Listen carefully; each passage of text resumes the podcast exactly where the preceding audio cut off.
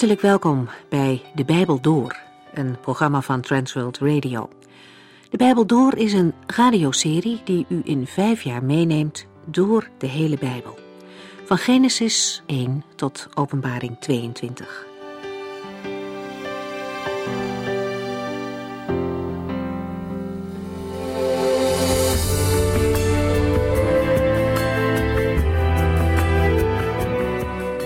We zijn momenteel bezig met het boek Handelingen. Dat vertelt grotendeels over momenten uit de levens van Petrus en Paulus. De vorige keer zagen we dat Petrus naar Joppe geroepen werd toen Dorcas overleden was. Dorcas was een vrouw die bekend stond om haar zorg voor anderen. En toen zij weer levend werd, kwamen ontzettend veel mensen tot geloof. We gaan verder met Handelingen 10. De hoofdpersonen in deze gebeurtenissen zijn Petrus en Cornelius. Voor Petrus was deze ontmoeting zeer verhelderend. Vanuit zijn Joodse achtergrond was hij er zo aan gewend dat God zich richtte op de Joden, dat hij moest leren inzien dat het evangelie toch echt voor alle volken was. Cornelius was een Romeins hoofdman. Hij woonde in Caesarea en was zeer gelovig. Hij bad veel en deelde zijn rijkdom met de armen. Dat bleef bij de Heere niet onopgemerkt. God laat een zoeker nooit staan. En hij stuurde een engel naar Cornelius met de opdracht dat hij Petrus moest laten komen. Er komt vier keer een engel bij Cornelius. Dat laat duidelijk zien dat de Heere zelf het initiatief neemt om het evangelie ook aan andere volken bekend te maken. En Petrus krijgt ondertussen een visioen waarin God hem duidelijk maakt dat er een nieuwe tijd is aangebroken. De oude ceremoniële wetten hebben hun geldigheid verloren na de kruisdood van Jezus Christus. De scheiding tussen Joden en heidenen is opgeheven. Echte reinheid heeft te maken met het innerlijk, niet met de buitenkant. Petrus gaat mee naar Cornelius.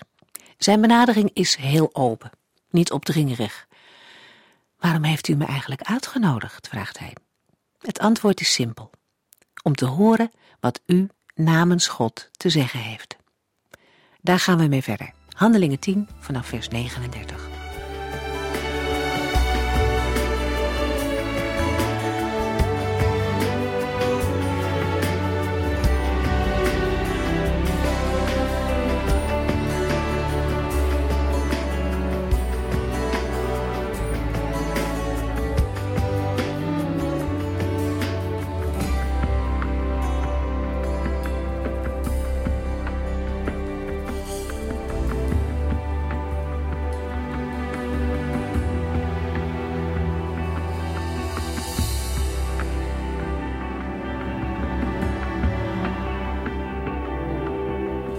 In de vorige uitzending hebben we al gelezen over Cornelius, de Romeinse hoofdman, en Petrus, die uit Job is geroepen om aan Cornelius en zijn huisgenoten het evangelie door te geven. In het leven van Petrus moest het tot de ontdekking komen dat God geen onderscheid maakt tussen mensen. Hij aanvaardt ieder die ontzag voor hem heeft en die doet wat hij wil, ongeacht tot welk volk die persoon behoort heeft het volk van Israël de heerlijke boodschap van vrede gebracht door Jezus Christus, de Heere van allen. Handelingen 10, vers 34 tot en met 36. De Heer Jezus is als eerste gekomen voor het volk Israël. Zijn verlossingswerk is niet alleen voor Israël, maar voor alle volken. Dat was de ontdekking van Petrus. God maakt geen onderscheid tussen mensen. Handelingen 10, vers 38 tot en met 40. U hebt vast wel gehoord van Jezus van Nazareth, de man aan wie God de Heilige Geest en grote kracht gaf. Hij trok het land door en deed heel veel goeds. Hij genas alle mensen die in de macht van de duivel leefden, want God was met hem. Wij hebben met eigen ogen gezien wat hij allemaal heeft gedaan, zowel in Jeruzalem als in heel Israël. Het volk heeft hem gedood door hem te kruisigen. Maar God heeft hem op de derde dag na zijn dood weer levend gemaakt en hem aan enkele mensen laten zien. Petrus verkondigt aan Cornelius en zijn huisgenoten de feiten over de Heer Jezus. Hij getuigt ook van de opstanding. De enkele mensen aan wie hij is verschenen blijken er, naar 1 Corinthians 15 vers 6, meer dan 500 te zijn geweest. Handelingen 10 vers 41 tot en met 43. Maar God heeft hem op de derde dag na zijn dood weer levend gemaakt en hem aan enkele mensen laten zien, aan getuigen die tevoren door God waren uitgekozen, niet aan het grote publiek, maar aan ons die met hem hebben gegeten en gedronken, nadat hij uit de dood was opgestaan. Hij heeft ons opdracht gegeven dit nieuws bekend te maken en de mensen te verzekeren dat Jezus door God is aangesteld om recht te spreken over de levenden en de doden. Alle profeten hebben over hem gesproken. Ze hebben verklaard dat ieder die in hem gelooft, door zijn naam vergeving van zonde krijgt. In de woorden die met hem hebben gegeten en gedronken, ligt het bewijs besloten dat Jezus lichamelijk is opgestaan. Bovendien houdt het samen eten en drinken in dat de Heer Jezus na zijn opstanding een diepgaand contact heeft gehad met zijn apostelen. De Heer zal pas verschijnen aan de hele mensheid, inclusief het Joodse volk, wanneer hij in heerlijkheid terugkeert op de aarde. Tot die tijd zijn de apostelen en daarna de gemeente de getuigen van zijn opstanding door de kracht van de Heilige Geest. Handelingen 10, vers 44 tot en met 48. Terwijl Petrus nog sprak, viel de Heilige Geest op allen die naar hem luisterden. De Joodse volgelingen van Jezus die met Petrus waren meegekomen, waren verbaasd dat de Heilige Geest ook aan mensen van een ander volk was gegeven. Maar er was geen twijfel mogelijk, want zij hoorden hen in vreemde talen spreken en God verheerlijken. Wie kan er nog bezwaar tegen hebben dat deze mensen gedoopt worden, zei Petrus, nu zij, net als wij, de Heilige Geest hebben ontvangen? Hij gaf de andere volgelingen van Jezus opdracht hen in de naam van Jezus Christus te dopen. Cornelius vroeg hem nog een paar dagen te blijven. Petrus is niet in staat zijn toespraak af te maken, want zijn woorden worden onderbroken door een uitstorting van de Heilige Geest over allen die naar de verkondiging van het Evangelie luisteren. Hier is de uitstorting van de Heilige Geest een bevestiging van de laatste woorden van Petrus. En ieder die gelooft, zal vergeving van zonde ontvangen. Bovendien neemt de Heere opnieuw het initiatief. Daarmee wordt voorkomen dat de Joodse gelovigen erop gaan aandringen dat Cornelius en de zijnen eerst moeten worden besneden voordat zij gedoopt kunnen worden. Verder krijgt Petrus op deze wijze ook steun bij zijn verantwoording aan de Joodse gelovigen in Jeruzalem. Het is namelijk onmogelijk om mensen die God vervuld heeft met de Heilige Geest als onheilig of onrein te beschouwen. Op grond van hun geloof in de Heer Jezus werden zij vervuld met de Heilige Geest.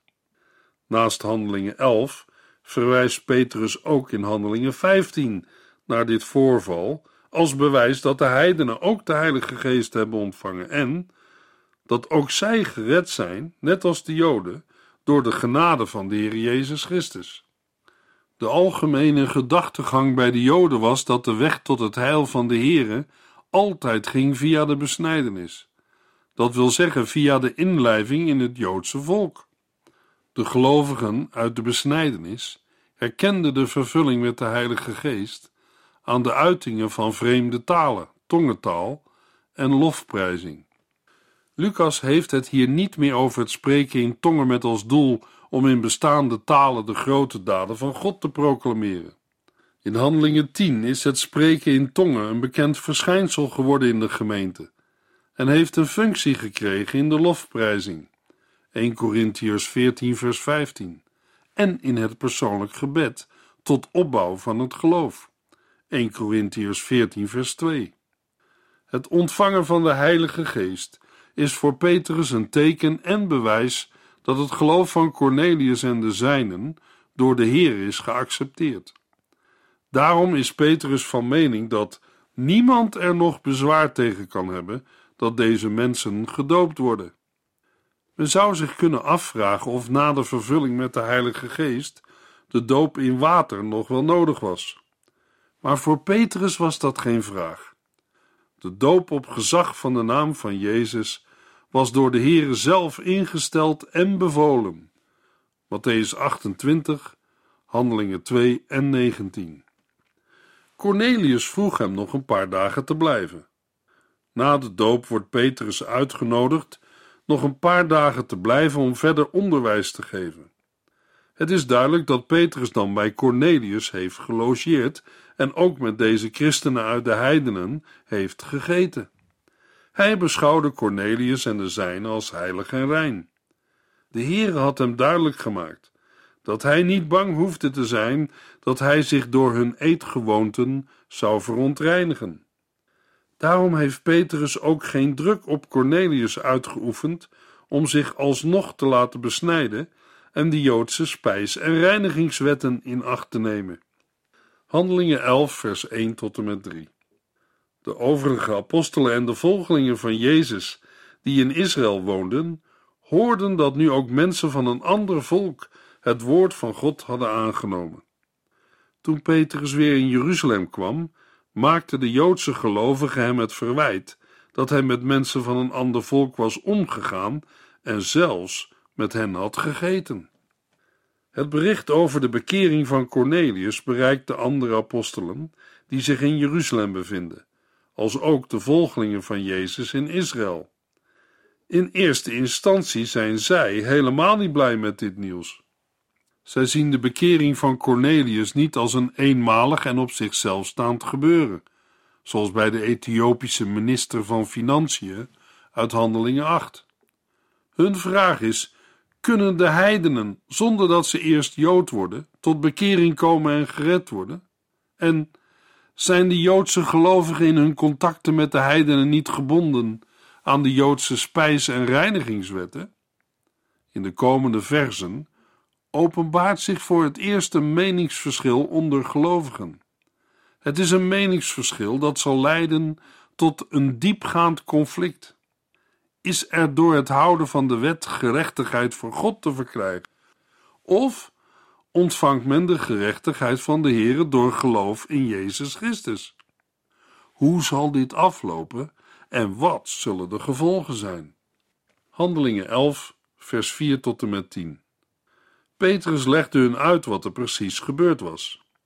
Hij vertelde eerst dat hij in Joppe had gelogeerd. Terwijl ik daar aan het bidden was, zei hij, kreeg ik een visioen. Ik zag iets neerdalen wat op een groot kleed leek. Het werd aan de vier hoeken uit de hemel neergelaten tot vlak voor mijn voeten. Toen ik erin keek, zag ik allerlei zoogdieren, reptielen en vogels. Ik hoorde een stem tegen mij zeggen: Sta op, Petrus, u mag er net zoveel van slachten en eten als u wilt. Maar ik antwoordde: Nee, heren, ik heb nog nooit iets gegeten wat mij als Jood verboden is. Maar de stem kwam nog een keer. Als God iets rein noemt, zodat u het mag eten, dan mag u het niet onrein noemen. Dit gebeurde drie keer en toen werd het kleed met de dieren weer in de hemel opgetrokken. De beschuldiging aan het adres van Petrus is toegespitst op de gedachte dat hij bij zijn prediking tot de heidenen de spijs- en reinigingswetten heeft overtreden. Dat er achter deze aanklacht veel meer schuil gaat, blijkt uit vers 18. Hun bezwaren waren niet beperkt tot het eten van onrein voedsel, maar tegen het feit dat Petrus hen had laten dopen, zonder dat ze eerst waren besneden. Dat trouwens het eten met heidenen nog lange tijd een moeilijk punt bleef, blijkt uit Gelaten 2 vers 12. Petrus gaat verder met zijn uitleg van wat er precies is gebeurd. Handelingen 11, vers 11 tot en met 15. Op dat moment kwamen er drie mannen aan bij het huis waar ik logeerde. Ze waren door iemand uit Caesarea gestuurd om mij te halen. De geest zei dat ik zonder aarzelen met hem mee moest gaan. En deze zes broeders besloten met mij mee te reizen. Toen we bij die man in Caesarea thuis kwamen, vertelde hij ons dat hij een engel had gezien. De engel was voor hem gaan staan en had gezegd: Stuur een paar mannen naar Joppe om een zekere Petrus te halen. Die zal u en al uw huisgenoten vertellen hoe u gered kunt worden. Ik had nauwelijks iets gezegd, of de Heilige Geest viel op hen, net als in het begin op ons. Petrus verdedigt zijn handelwijze door zijn medegelovigen de hele geschiedenis ordelijk te vertellen. Op beknopte wijze wordt nu Handelingen 10 naverteld. Uit het feit dat Lucas ook deze vertelling weer opneemt, kunnen we afleiden dat hij dit zeer belangrijk vindt. De verkondiging van het evangelie aan de niet-Joden, heidenen, is inderdaad een keerpunt in de nog jonge geschiedenis van de gemeente van Christus. Krachtig wordt daarbij naar voren gebracht dat het de Heere zelf is die alles zo heeft geleid. Handelingen 11, vers 16 en 17. Dat deed mij denken aan iets dat de Heere eens tegen ons heeft gezegd. Johannes doopte met water, maar u zult met de Heilige Geest gedoopt worden. Als God hun dezelfde gave heeft gegeven als ons, die al in de Heer Jezus Christus geloofden. Wie ben ik dan dat ik God zou kunnen tegenhouden? Petrus vertelt nu hoe hij op dat moment moest denken aan woorden van de heiland.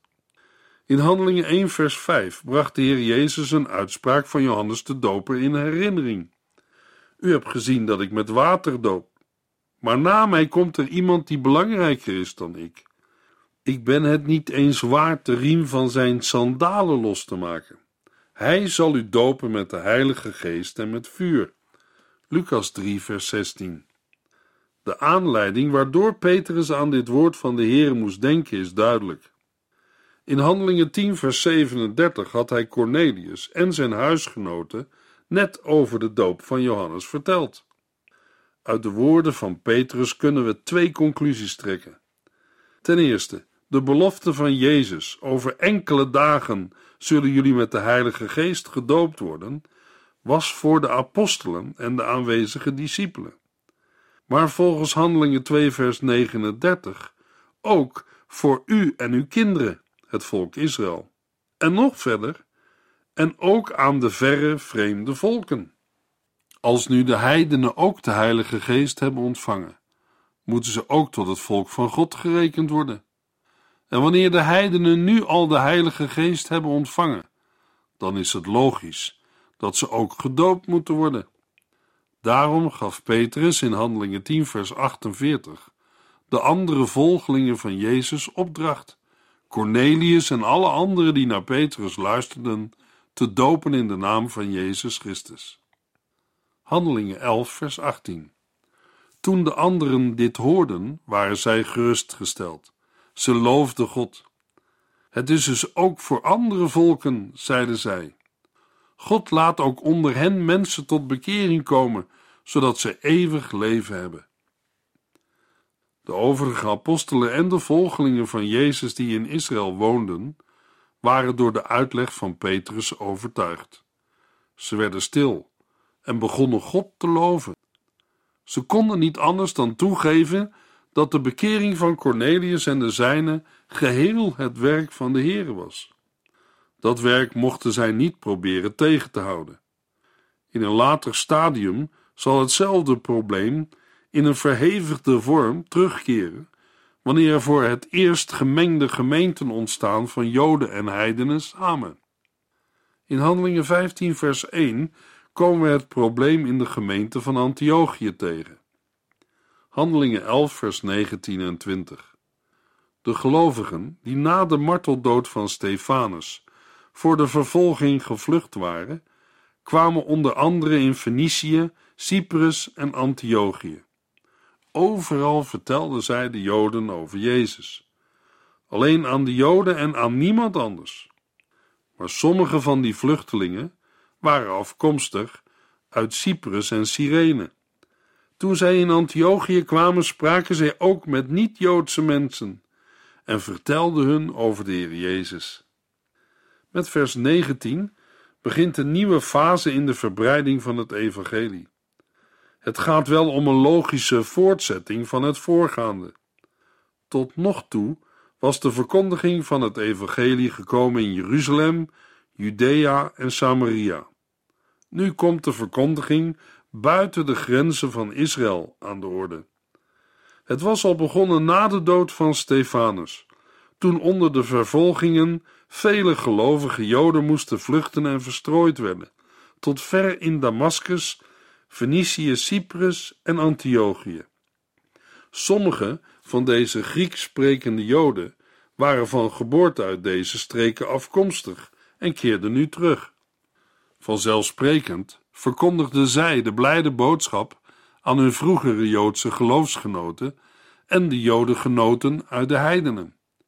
Een prediking van het evangelie aan heidenen die geen Jodengenoot waren geworden, kwam niet in hun gedachten op, om de redenen die in handelingen 10 en 11 aan de orde kwamen.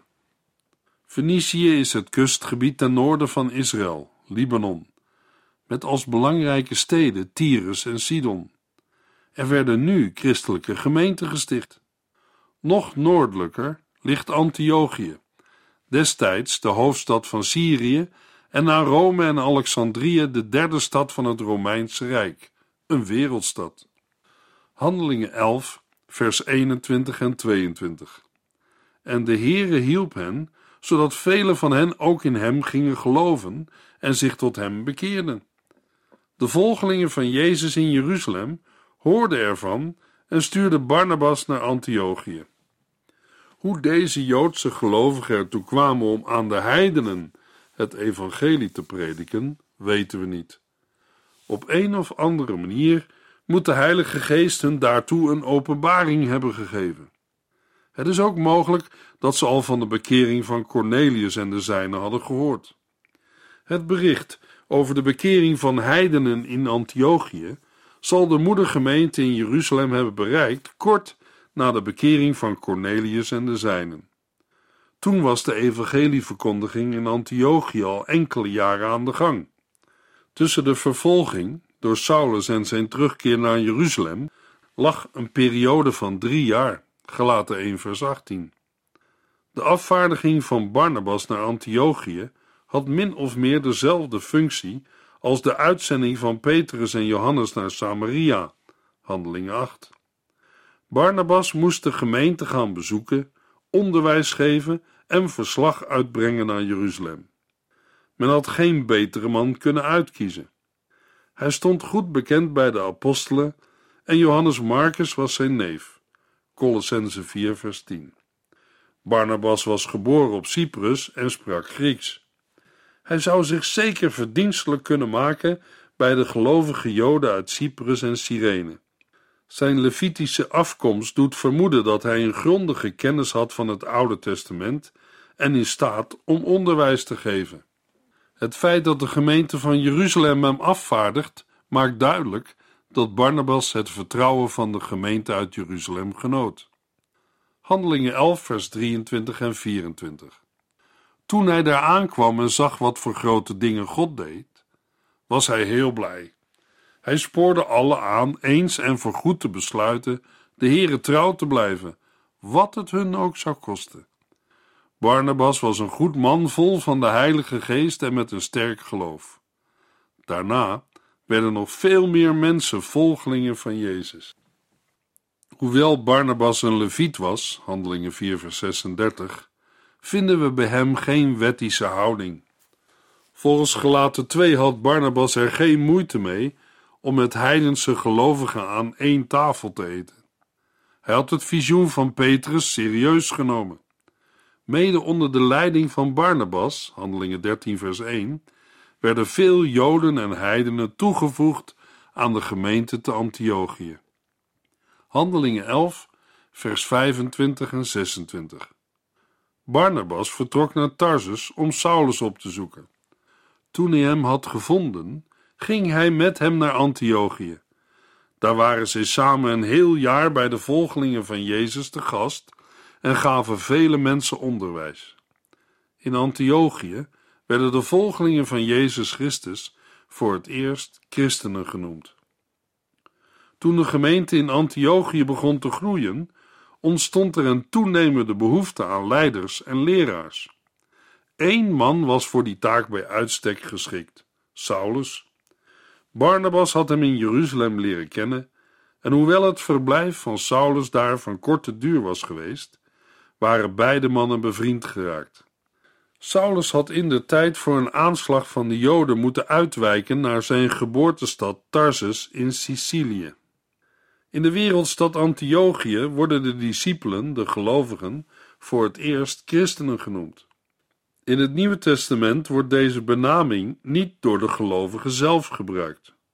Zij komt oorspronkelijk uit de mond van ongelovigen, die de gelovigen aanduiden als partijgenoten of volgelingen van Christus. Handelingen 11, vers 27 tot en met 30. In die tijd kwamen er uit Jeruzalem enkele profeten naar Antiochië. Een van hen, Agabus, voorspelde dat er een grote hongersnood in dat gebied zou komen. De Heilige Geest had hem dat duidelijk gemaakt.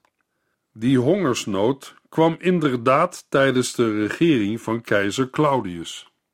Daarom besloten de christenen van Antiochië hun geloofsgenoten in Judea te helpen.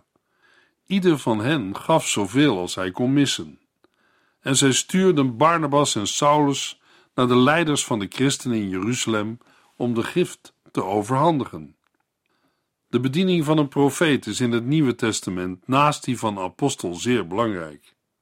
De profeten worden in het boek Handelingen maar een paar keer genoemd, maar hun invloed is in vele brieven te merken. Een van deze profeten was een zekere Agabus, die in Handelingen 21 vers 10 opnieuw wordt geïntroduceerd. Geïnspireerd door de Heilige Geest geeft hij aan dat er een grote hongersnood zou komen. Het voorval dat hier wordt vermeld is ook bekend in de algemene geschiedenis. Wij herinneren ons dat Saulus een van degenen was geweest die de gemeente in Jeruzalem had vervolgd en wilde vernietigen. Prachtig om te zien dat hij nu meehelpt om de gemeente te steunen. In de volgende uitzending lezen we verder in Handelingen 12.